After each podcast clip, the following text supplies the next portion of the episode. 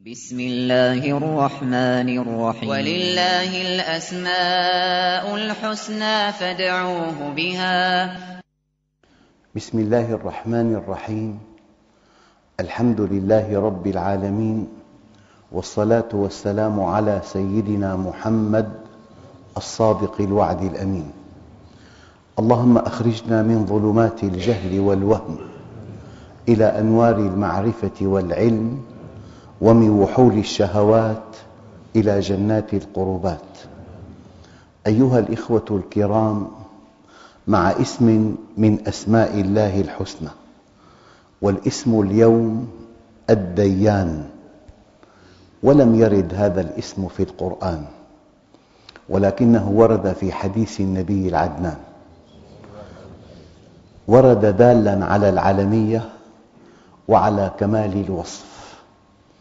والديان من دان دان يدين أي جاز يجازي. ويوم الدين يوم الجزاء. ولا بد من وقفة متأنية حول طريقة الإيمان بيوم الجزاء بيوم الدين. ونحن في سورة الفاتحة نقرأها كل يوم عشرات المرات. الحمد لله رب العالمين الرحمن الرحيم مالك يوم الدين. الحقيقة أنه هناك دوائر ثلاث دائرة المحسوسات وأداة اليقين بها الحواس الخمس. ودائرة المعقولات وأداة اليقين بها العقل. ودائرة الإخباريات وأداة اليقين بها الخبر الصادق.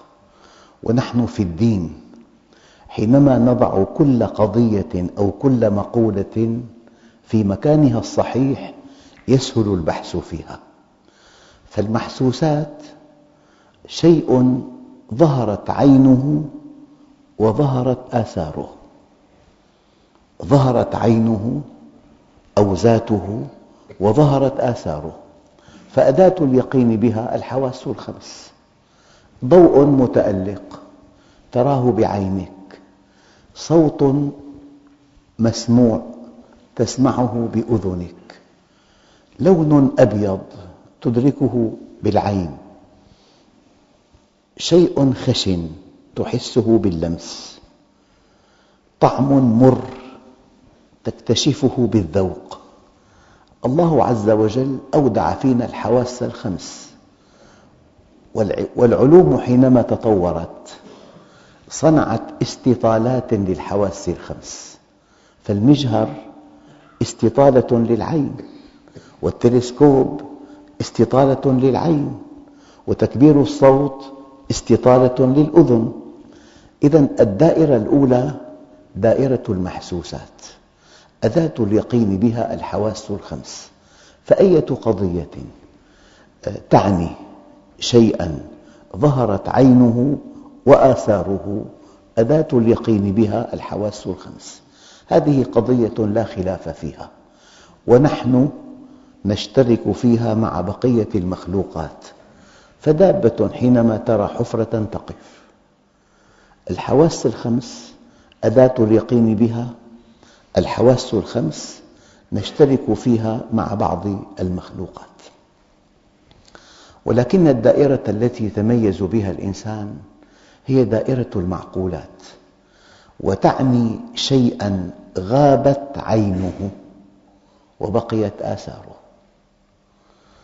أنت ترى من التنظيم المنظم بعقلك وترى من التسيير المسير. وترى من الحكمة الحكيم وترى من الخلق الخالق. فالدائرة الثانية دائرة المعقولات يعني جهة غابت عينه وبقيت آثاره وهذا مجال العقل. لذلك هذا الكون أثر من آثار الله بل هو الثابت الأول في العقيدة. كون ينطق بوجود الله. أعيننا لا ترى الله لا تدركه الأبصار ولكن العقول تصل إليه. فالذات الإلهية غابت عن حواسنا ولكن الله سبحانه وتعالى أودع فينا عقولا نستطيع من خلال هذه العقول لا أن نحيط بل أن نصل. وفرق كبير بين الإحاطة والوصول. أنت بمركبتك تصل إلى البحر لكنه بهذه المركبة لا تستطيع أن تخوض بها البحر. فعقولنا تصل إلى الله وفي كل شيء آية تدل على أنه واحد. إذا الدائرة الثانية دائرة المعقولات. يمكن أن تؤمن الإيمان الصحيح من خلال العقل. فالكون يدل على الله. يدل على الله موجودا وواحدا وكاملا. وأسماء الله الحسنى ظاهرة في الكون. بل إن الكون مظهر لأسماء الله الحسنى. بل إن الكون يشف عن أسماء الله الحسنى. فأنت بإمكانك أن تصل إلى الله من خلال الكون أن تصل إليه مؤمنا بوجوده ووحدانيته وكماله. ويمكن أن تصل من خلال العقل إلى أن هذا القرآن كلامه من خلال وقوع الوعد والوعيد ومن خلال إعجازه وقوع الوعد والوعيد دليل قطعي على أن هذا الكلام كلام الله. وإعجاز القرآن الكريم دليل أيضا على أن هذا الكلام كلام الله. ويمكن أن تؤمن برسول الله صلى الله عليه وسلم من خلال العقل لأن الذي جاء بهذا الكتاب المعجز لا بد من أن يكون رسول الله. القضية واضحة جدا. أنت بعقلك تؤمن بوجود الله ووحدانيته وكماله من خلال الكون. وبعقلك تؤمن بأن هذا القرآن كلام الله من خلال الإعجاز ومن خلال وقوع الوعد والوعيد. وأنت بعقلك تؤمن أن هذا الإنسان الذي اسمه محمد بن عبد الله هو رسول الله من خلال القرآن. وهنا ينتهي دور العقل. ويجب أن تؤمن أن العقل محدود بمهمة محدودة. فما دام استخدامه في هذا المجال يؤدي العقل نتائج رائعة. إلا أنك إذا استخدمت العقل في شأن غيبي في شأن غابت عينه وآثاره العقل لا يفلح. إذا أي شيء عجز عقلك عن إدراكه أخبرك الله به. أخبرك الله بالقرآن الكريم عن الماضي السحيق عن بدء الخليقة. أخبرك القرآن الكريم ماذا بعد الموت؟ عن اليوم الآخر عن الحساب عن الجزاء عن الجنة عن النار عن الصراط. أخبرك الله عن أسمائه الحسنى. الله الذي خلق سبع سماوات. إذا ما دام البحث وفق هذا النظام قضية حسية أداة اليقين بها الحواس الخمس قضية عقلية أداة اليقين بها العقل قضية إخبارية أداة اليقين بها الخبر الصادق القضية الأولى ظهرت عين الشيء وآثاره والقضية الثانية غابت عين الشيء وظهرت آثاره والقضية الثالثة غابت عين الشيء وآثاره. أنت حينما تضع كل قضية في الدين في مكانها الصحيح تجد يسرا في الفهم ويسرا في اليقين ويسرا في التعامل معها. فالقضايا التي غابت عينها وآثارها. أداة اليقين بها الخبر الصادق.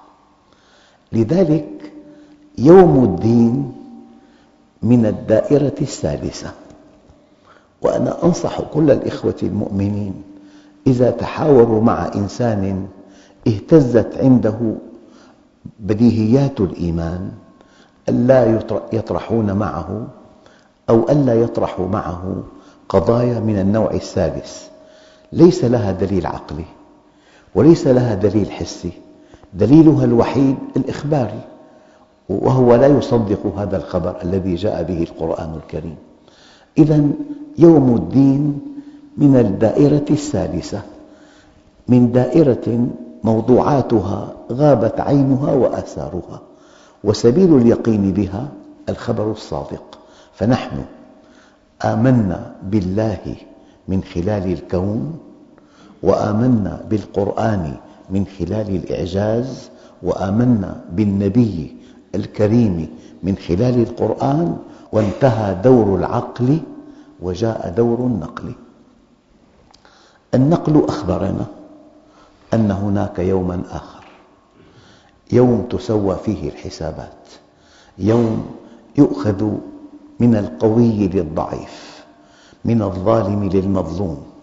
يوم يعطى كل ذي حق حقه.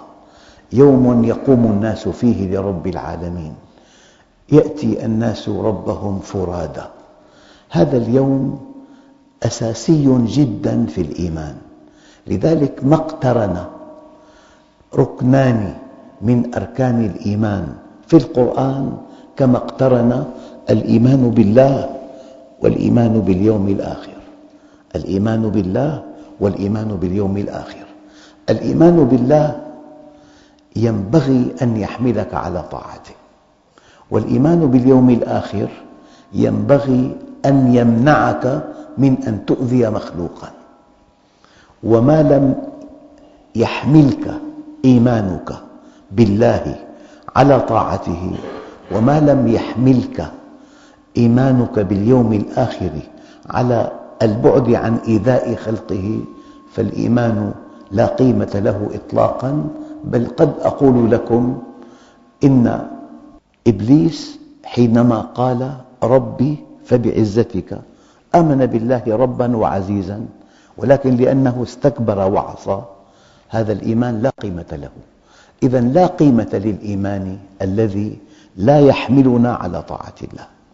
ولا قيمة للإيمان باليوم الآخر الذي لا يحملنا على اتقاء أن نؤذي مخلوقا. أيها الإخوة إلا أن عالما كبيرا من علماء المسلمين وهو ابن القيم رحمه الله تعالى يرى أن الإيمان باليوم الآخر من الدائرة الثانية دليله عقلي. لأن العقل لا يقبل أن كونا عظيما يشف عن خالق عظيم عن خالق قوي عن خالق كامل عادل رحيم أن يخلق إنسانا قويا وضعيفا والقوي يأكل الضعيف وينتهي الأمر.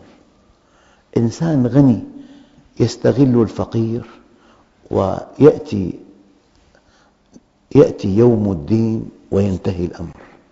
لا يعقل ولا يقبل ألا تسوى الحسابات. لا يعقل ولا يقبل ألا يكون هناك يوم تسوى فيه الحسابات.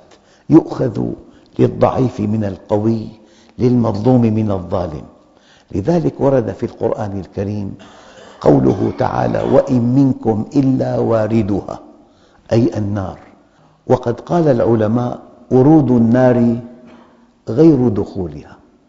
دخول النار دخول جزاء أما ورود النار ورود اطلاع.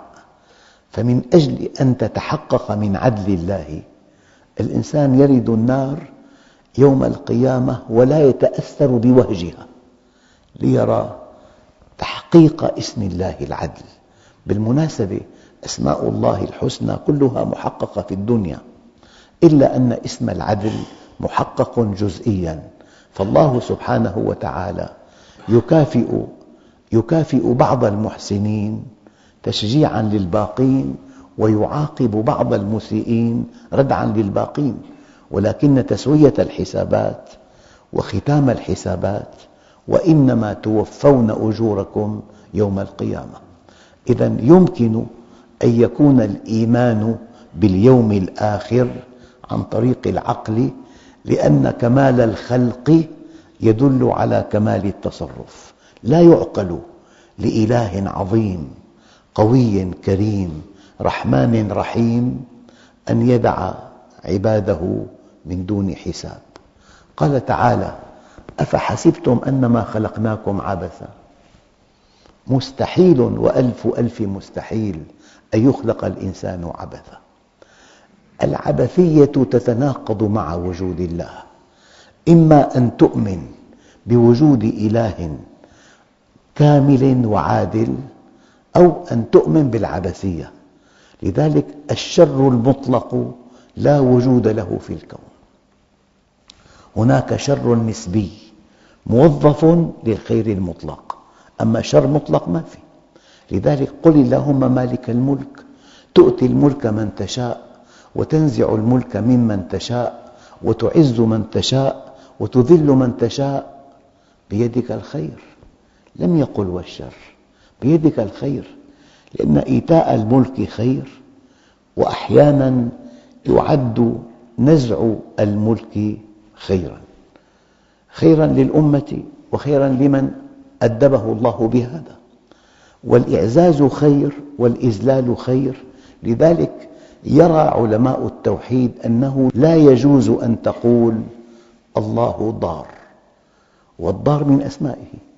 ينبغي أن تقول الله ضار نافع خافض رافع مذل معز أي هو يضر لينفع ويخفض ليرفع ويذل ليعز وعجب ربكم من قوم يساقون إلى الجنة بالسلاسل. أنت حينما تؤمن بكمال الله ووحدانيته ترى أن الشر النسبي موظف للخير المطلق. لذلك الديان صيغة مبالغة. صيغة مبالغة. وماذا تعني المبالغة؟ إذا ارتبطت بأسماء الله الحسنى. تقول غفور وزن فعول من صيغ المبالغة يعني يغفر أكبر ذنب ويغفر مليون ذنب يغفر كما ونوعا. صيغ المبالغة إذا تعلقت بأسماء الله الحسنى فتعني شيئين.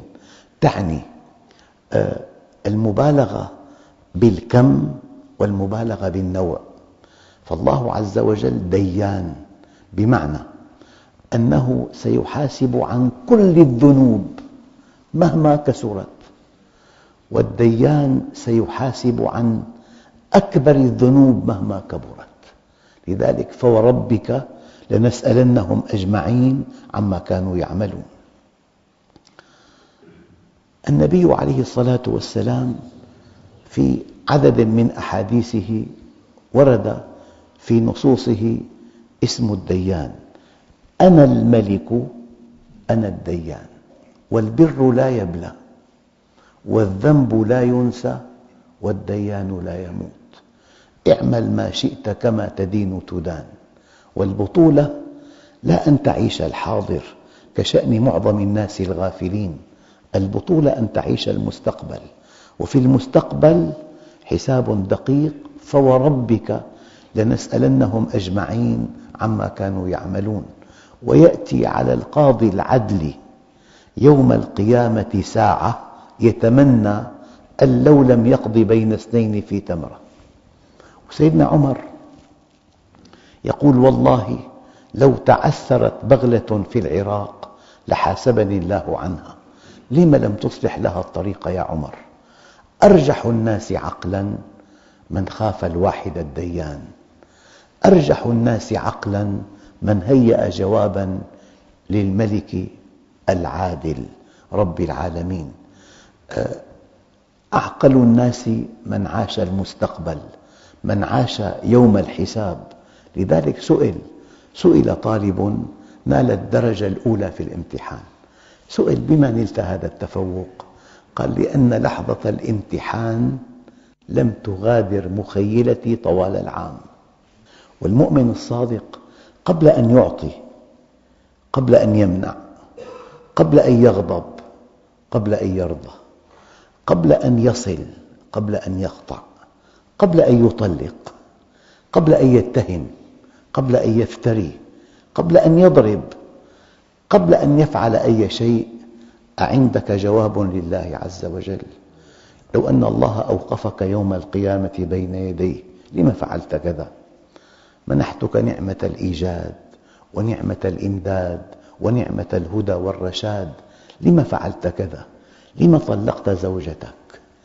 لم أخرجت شريكك من الشركة لم لم لم تعتني بابنك؟